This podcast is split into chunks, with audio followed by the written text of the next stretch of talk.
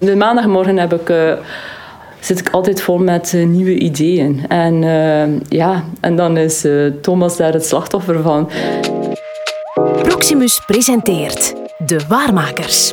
Een podcast over starters die op een goede dag een straf en duurzaam idee hadden en er sindsdien ook alles aan doen om dat idee waar te maken. Mijn favoriete bezigheid is gewoon problemen oplossen. Eender wat, echt waar.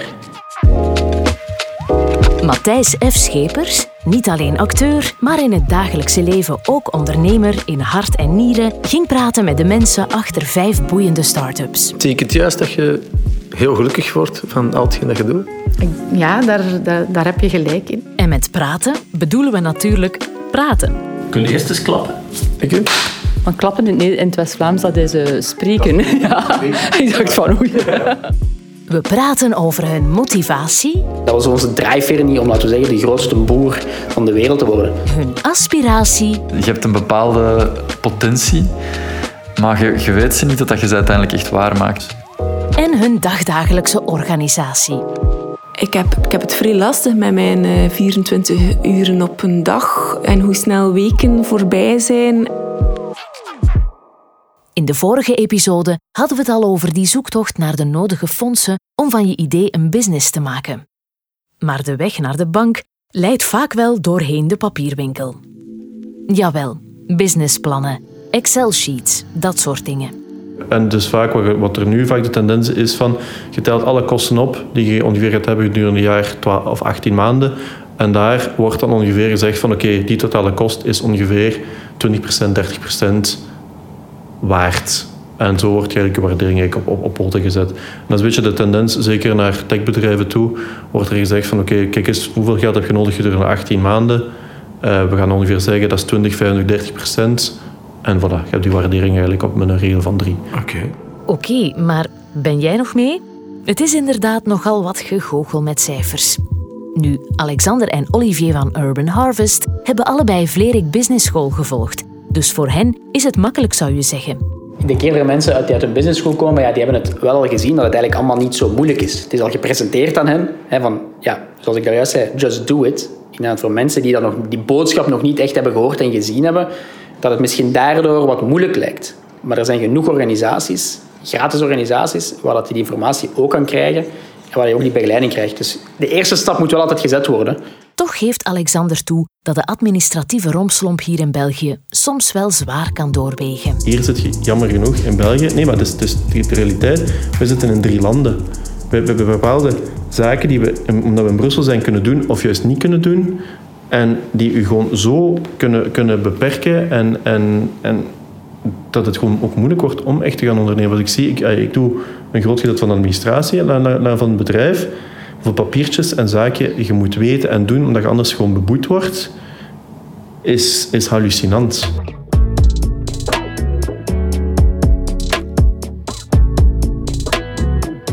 Voor Thomas en Hilde van cosmetica label Ray is die hele papiermolen echter niet meteen een struikelblok.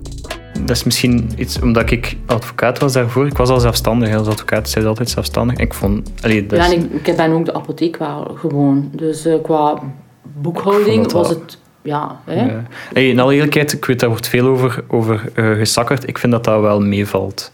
Uh, heel de administratie die komt kijken bij een eigen onderneming.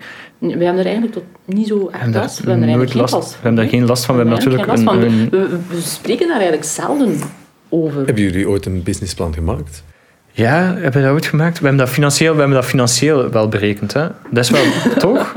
Ja, dus... Uh, nee, maar dat... Ik zat natuurlijk... Uh, ik was ooit nog uh, productmanager geweest in mijn vorig leven, dus ik zat zo wel nog met een businessplan in mijn hoofd. Alhoewel dat ik toen dat ik dat toen moest maken en mijn baas vroeg van maak eens een plan op basis van vijf jaar, toen dacht ik al, ja, mans, binnen vijf jaar Poeh, wat heeft dat hier voor nut? Nee, zei de richting is uh, belangrijker dan de cijfers.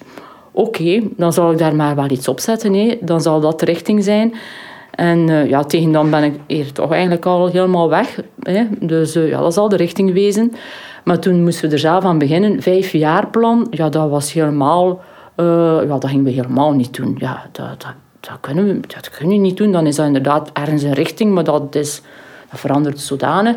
En dan dat businessplan, ja, dan was ik daar zo een klein beetje aan begonnen, maar dan bleek dat eigenlijk toch wel een, een ouderwetse versie te zijn. En toen, toen, ja, toen hebben wij... Uh, we hebben, ja. dat eigenlijk niet echt een echt klassiek businessplan. Maar we hebben wel cijfers. ik denk dat dat voor iedereen wel noodzakelijk is, is dat je kijkt van, kijk, we gaan een product verkopen. Wat is onze verkoopprijs? BTW eraf, 21%. Wat is onze, aankoop, wat is onze productiekost? Wat is onze marge? Hoeveel moeten we verkopen om ervan te kunnen leven? Wat is onze marketingkost? Ja, dus we hebben wel, heel wat elementen.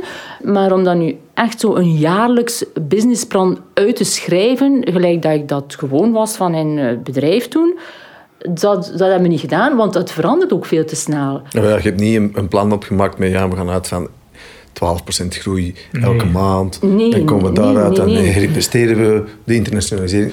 Heel die dingen hebben jullie niet gedaan? Nee, niet op jaarlijkse basis. Omdat het, we hebben wel een plan natuurlijk. Dat, ja, dat moet wel. Hè. Ja, je moet een plan hebben. Ik denk dat dat zeer moeilijk is de eerste jaren. om een, om een cijfer... Om een, allee, we, hebben, we hebben cijfers, we weten onze marges, we weten hoeveel we moeten verkopen om ervan te kunnen leven. Dat weten we perfect. Maar om echt te zeggen van, kijk, we, we starten vandaag met een onderneming en binnen een jaar gaan we 100.000, 200.000 euro omzet hebben goed, allee, het enige wat we weten is dat dat verkeerd gaat zijn. Maar ja, en ook de markt evolueert zodanig snel op dit ogenblik in uh, de natuurlijke cosmetica. Maar nu wordt het wel makkelijker. We hebben nu, we hebben nu twee jaar verkoop en nu kunnen we wel zeggen, volgend jaar verwachten we ongeveer zoveel te verkopen. Dus dat gaat met de tijd wel komen, misschien wel, maar op dit ogenblik uh, verandert het veel te snel om, dat, om daar veel energie en tijd in te steken. Soms volstaat het inderdaad dat de financiële cijfers in je hoofd zitten. Maar moet je ze wel op papier zetten wanneer je naar een bank toestapt, zoals Jona van Mikmak Minuscuul. Moest je echt een We moesten wel een businessplan voorleggen. Hè? Voor en cijfers voorleggen voor vijf jaar, denk ik. Of voor drie jaar, ik weet niet meer precies. Drie tot vijf jaar moesten we voorleggen. Um, maar we moesten geen waarborg leggen. En de meeste banken vragen op zo'n moment een waarborg. Heb je dat ehm, waargemaakt, dat businessplan? Zit het hoger ondertussen, lager, hetzelfde? Um, je maakt zo'n businessplan om, om financiering te krijgen. Achteraf kijkt je daar niet altijd naar terug. Dus ik weet zelfs niet of dat we dat precies hebben waargemaakt. Um, maar we zitten wel op koers. Maar misschien dat we het businessplan wel een klein beetje hebben opgeblazen voor de bank. Want ja, dat doet je voor een bank, voor een lening, een klein beetje. Om te zorgen dat je ze zeker krijgt. Die bank, die, is dat zo? In mijn ogen is dat zo, maar misschien is dat niet altijd zo. Wat? Wilt die groei, groei, groei? Of is nee. stabiliteit ook Die wil stabiliteit, die wil zijn geld terug. En dat is logisch ook, uh, dat hij zijn geld terug wil. En die heeft nog nooit moeten wachten op geld, dus daar is er, daar is er geen probleem. Um, maar die is niet op zoek naar groei, groei, groei. Ja. Ik denk de meeste banken, als ze een lening, een lening afsluiten, is gewoon hun bedoeling om hun, om hun investering terug te krijgen. Op een gezonde, stabiele, evenwichtige manier.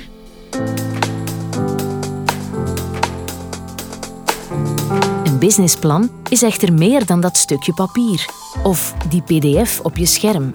En soms, zoals voor Soraya van het duurzame fashionlabel Studio Ama, heeft het dagdagelijkse leven andere plannen voor jou. Er waren crazy mooie plannen voor een jaar die helemaal anders is uitgedraaid. Uh, ik had um, een besloten vennootschap opgericht. Uh, ik was zaakvoerder van mijn vennootschap geworden. Er stond een uh, collectie klaar. Ik was van één materiaal naar vijf materialen in collectie gegaan. Er, wa er van zeven ontwerpen. Was er een hele ontwerpenfamilie gekomen. Ik denk dat ik toen aan twintig zat. Alles stond klaar. Ik ging dat lanceren op Fair Fashion Fest in Gent. En er was een modeshow en er was een boot en er was een kleine, zo een winkeltje. Ik ging een lezing geven. Uh, mijn kunstenaarschap, activisme, ondernemerschap kwam daar ook wel op een mooie manier samen. Recht in mijn doelgroep. Uh, dat was gepland in april. Uh, dat is nooit doorgegaan. En eerst had ik wel zo nog wat de, de energie. En dan, ja, ik ga het online doen. En ik ga filmpjes maken. En ik doe een pre-sale. En ik doe dat stuk per stuk. En elke week een ander stuk. En ik heb toen redelijk verkocht in pre-sale, wat ongelooflijk is. Maar uiteindelijk, puntje bij paaltje, loop je achter de feiten aan. En dat dieptepunt is dan daarna gekomen als je eigenlijk als je de rekening maakt. En als je je financieel plan en uw dromen en uw doelen en uw visies van waar ik bijvoorbeeld vandaag zou staan tegenover een realiteit vandaag, dan denk ik dat net zo rond, rond afgelopen winter zo, met die, ja, zo het bekomen van, van de tweede golf, waarin dat dan toch ook nog een keer niet gelukt was, de pop-ups en de evenementen die ik toen gepland had, dat je echt denkt van... En nu?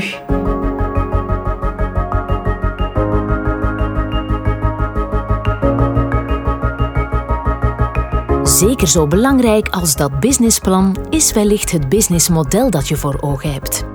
Soraya werkt met freelancers omdat dit in de wereld van de mode nu eenmaal gebruikelijk is. Het is wel zo, voor het in de creatieve sector, dat er heel veel freelancers zijn. Ik werk bijvoorbeeld ook samen met een modelliste die de patronen gaat digitaliseren en soms ook optimaliseren de gradaties van de maten en zo doet. Um, een heel, heel belangrijk aspect in technisch gezien hoe er zo'n collectie tot stand komt. Maar zo iemand in dienst nemen, dat is bijna niet, niet, niet denkbaar, omdat al het voorbereidend werk wordt in eigen atelier gedaan. En dat is zo'n een eindstapje en dat is nog zo een keer een paar dagen werk. Dat is dan typisch een heel goede job om dan aan een externe professional uit te besteden. Dus ik vind dat zelf heel interessant om met een vast team te werken en dan mensen die op verschillende momenten in zo'n productiecyclus, commercialisatiecyclus erbij betrokken worden. Ook Jona bouwde een netwerk van zelfstandigen, de Mikmak Madame. Voor Jona lijkt het franchise-model duidelijk het meest efficiënte. Je hebt twee uh hoe je dat, twee rollen in ons eh, businessmodel. Dus je hebt de rol van Micmac Minuscule Centraal en je hebt de rol van de Micmac Madame. Dus we werken met Micmac Madame die lokaal in de buurt van hun lokale ouders in Spee wonen. Zij komen samen, ze kijken samen naar um, een iets of wat exhaustieve lijst van wat je zou kunnen nodig hebben bij de geboorte van een kindje. Is het dan bij vrienden dat je hebt rondgehoord? Nee, nee, nee, we hebben dat... Hoe zijn mensen dat weten gekomen? Um, op onze Facebookpagina gezet, denk ik. Op onze toen LinkedIn-pagina gezet, denk ik. En via klanten. Um, ja, er waren bij de eerste infosessie die we gegeven hebben over wat betekent Micmac minuscuul en wat zou dat zijn om Micmac madame te zijn. Er waren toen, um, ik denk, ongeveer 25 geïnteresseerde mensen om, die dat, dat wilden doen. Um, en van die 25 zijn er uiteindelijk dan um, acht die het echt graag wilden doen en waar wij het ook samen mee zagen zitten en die dan opgestart zijn. Ik, ik noem het wel soms een franchise-model, maar het is eigenlijk echt een social franchising-model. Dus eh, je weet van in het begin, um, ik kan die software gebruiken, ik kan de kennis gebruiken, ik kan van alles en nog wat uh, gebruiken, maar je stapt ook in een netwerk en dat netwerk bestaat echt uit, uit, uit 20, 24 gedreven madammen die samen proberen een verschil te maken en die samen ook instappen in projectteams rond wat, wat u zelf boeit. Dus we hebben een social media team, we hebben een impact team die verder nadenkt over hoe kunnen wij onze impact nog vergroten um, in de maatschappij. Er is een team dat nadenkt over over het flow-team, over efficiëntere manieren van werken en rust in het hoofd, wij als madame. Um, en er is een, een, een createam die nadenkt over creatieve dingen, van oké, hoe kunnen we nog andere dingen pimpen, hoe kunnen we creatieve pakketten voor onszelf, voor klanten. Voor... En iedereen, elke madame die bij ons instapt, die weet dat dat een gedeelte is van de dingen die ze gaan doen. En dat vinden ze meestal ook een van de mooie dingen. Want de meeste madammen die bij ons starten, willen eigenlijk geen zelfstandige op hun eentje zijn. Zijn, zijn echt blij dat ze ingebed worden in een netwerk waarin dat ze niet alleen, niet alleen alleen zijn. Tuurlijk doen ze heel veel van het werk uh, zelfstandig en alleen. Maar ze kunnen wel uh, in de WhatsApp-groep vragen: hey, hoe zit het met dit, hoe zit het met dat? Er is uh, een, een opstartcoach waar dat ze bij terecht kunnen. Ze hebben een buddy. Um, dus dat soort dingen. En dat vinden ze vaak heel belangrijk, omdat ze niet altijd graag alleen werken. En vandaar is het netwerk eigenlijk ook zo belangrijk. Dus je, je, je geeft aan het netwerk, je krijgt ook veel terug van het netwerk.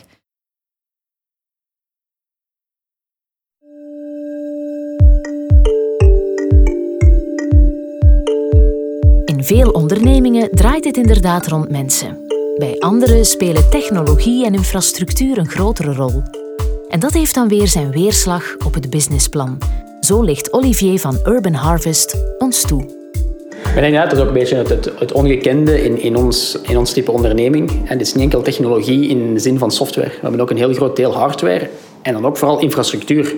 Als we zelfs de rondleiding doen, zal het zien. Het gaat over heel grote metalen opstellingen, een hoop lampen in, bakken, kabels, buizen. Uh, ja, je kan inderdaad niet zomaar eventjes copy-paste doen. Uh, dus vandaar dat was gewoon een validatie van het concept, van ons kunnen. Oké, goed. En die cijfers gaan we extrapoleren naar een businessplan, naar klanten. Goed, nu hebben we dit nodig om dat te verwezenlijken.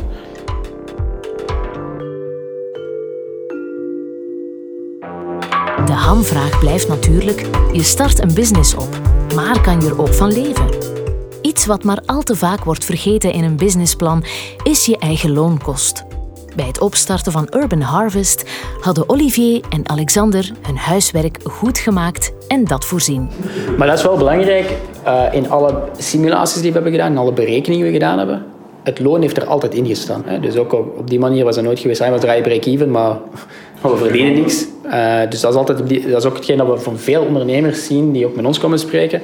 Ah ja, maar kijk, we kunnen hier verkopen met winst. Eh, dan vraag je, ja, en heb je al iets van loon en zit transport erin? Ja, nee, want ah, ik heb thuis nog een auto en een fiets staan en we gebruiken die zomaar. En de, naft, dat is, en de naft is gratis. Die, uh... En dat gebeurt, dat gebeurt heel, heel vaak, dat ze dat er ineens allemaal gewoon wegcijferen. Ja, maar dat zijn allemaal zaken die betaald moeten worden ergens op een gegeven moment. Geef je jezelf een loon? Ik geef mezelf een loon, hè? Ja. Uiteraard. Velen doen dat dan niet. En dan zeg je, ja, maar ja, alle cijfers die je ons nu voorlegt, dat slaat op niks, want je moet jezelf een loon geven. Ja, ja, ja dat is waar, dat is waar. Mikmak Madame Jona had het ook niet alleen verwerkt in haar businessplan, maar keert zich ook daadwerkelijk een salaris uit. En dat hoeft ze ook niet onder stoelen of banken te steken. Hoe transparant zijn jullie binnen het bedrijf over jullie verloning? Heel transparant. Uh, ah, over de verloning als in hoeveel loon je jezelf uitkeert? We weten alle madame hoeveel dat jij verdient? Uh, madame weten niet specifiek hoeveel ik verdien, als in hoeveel ik mezelf uitkeer. Maar we hebben wel een heel duidelijk... We hebben een commissie, commissiesysteem, echt. Hè? Dus uh, een franchisesysteem. Dus we staan echt uh, een percentage af op, uh, op de omzet. En dat is natuurlijk heel transparant. Dus we weten exact hoeveel dat zij overhouden aan de lijst en hoeveel dat wij overhouden aan de lijst. Dus dat is wel heel, heel transparant.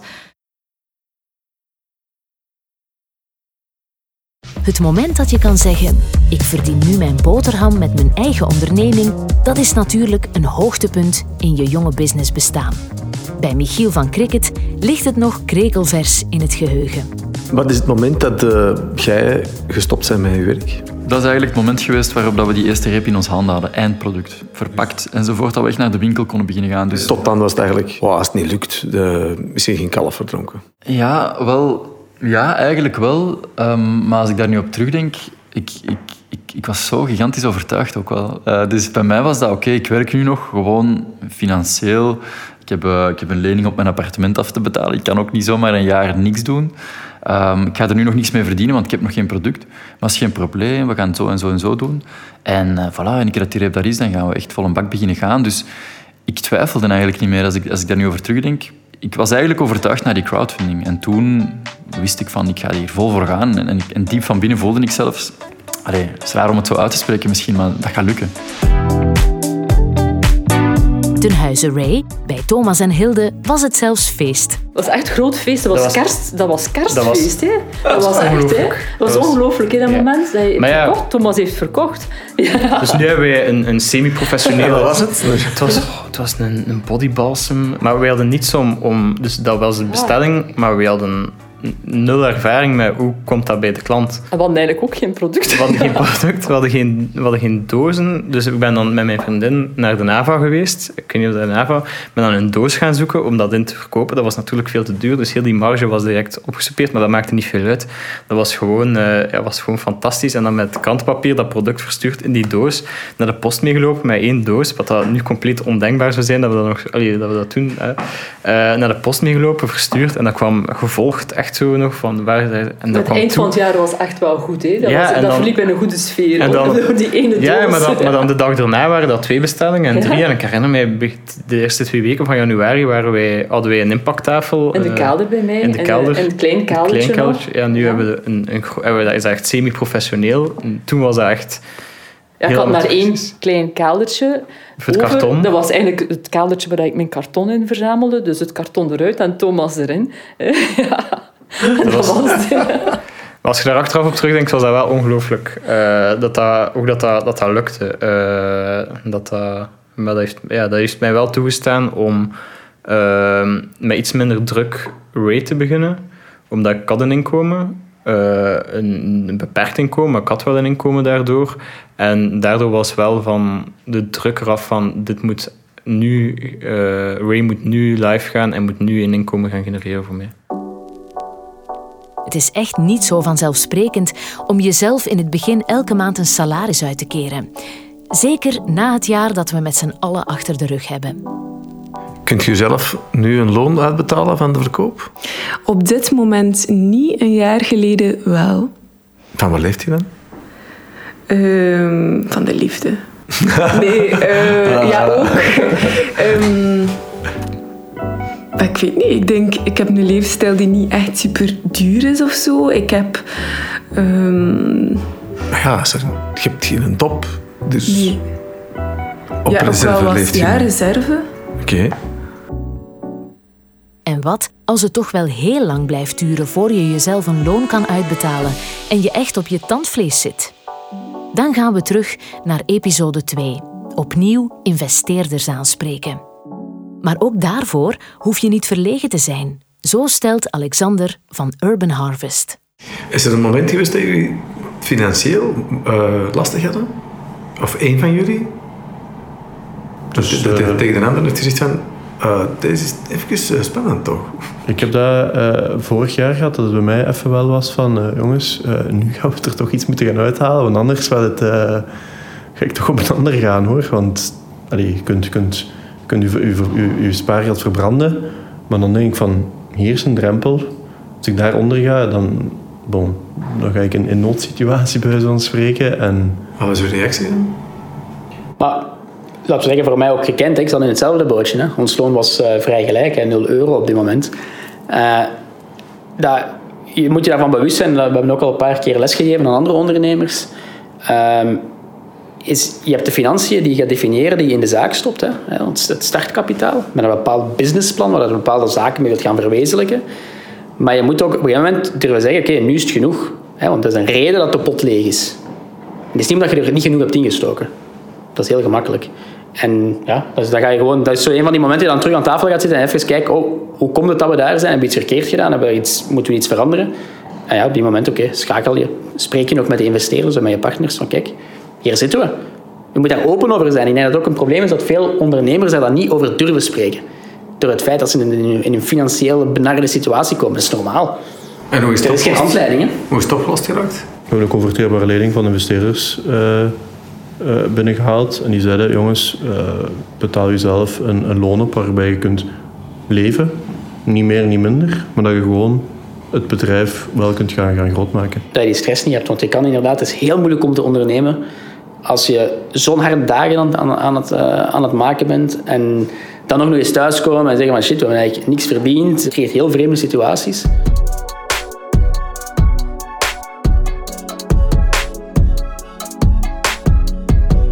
Het leven van een ondernemer loopt inderdaad niet altijd over rozen. Maar zoals een bekende voetballer ooit zei, elk nadeel heeft zijn voordeel. Daarom geeft Soraya tot slot nog één tip mee voor kersverse starters. Dat heel belangrijk is om, om trouw te zijn aan jezelf. Om, of om te weten waarom dat je doet wat dat je doet. Omdat daar je motivatie ligt. En omdat sowieso met botsen tegen de muur gaat zijn. En als je dan niet goed weet waarom, of waaraan, of waarbij, ja, dan stopt je. En dan is die kater heel groot. Terwijl dat ik naar de falingen, dat je er eigenlijk redelijk goed mee omga. Ik zie dat ook als een deel van het proces. En dat komt door die motivatie en door, ja, dat is gewoon wat ik moet doen. Ik heb dat wel, ik weet dat ondertussen wel. In de volgende episode laten we de zakelijke kant van zaken doen achter ons en gaan onze starters hun verhaal kenbaar maken aan de buitenwereld. Wie zijn je concurrenten? Wie zijn je klanten? Um, je moet echt um, tegen sommige mensen kunnen zeggen: Sorry, jullie zijn eigenlijk mijn doelgroep niet echt. Waar situeer jij je op de markt? Dus er was duidelijk een gat in de markt, want niemand deed het al, maar was er ook een markt in het gat? Hoe kom je digitaal tot je recht? Nadeel bij een website, er is geen straat voor. En mensen passeren niet aan uw website. Het wel en wee van webshops, social media en werken met influencers. Het komt allemaal aan bod in de volgende episode van De Waarmakers. Een podcast powered by Proximus Business. Proximus. Think possible.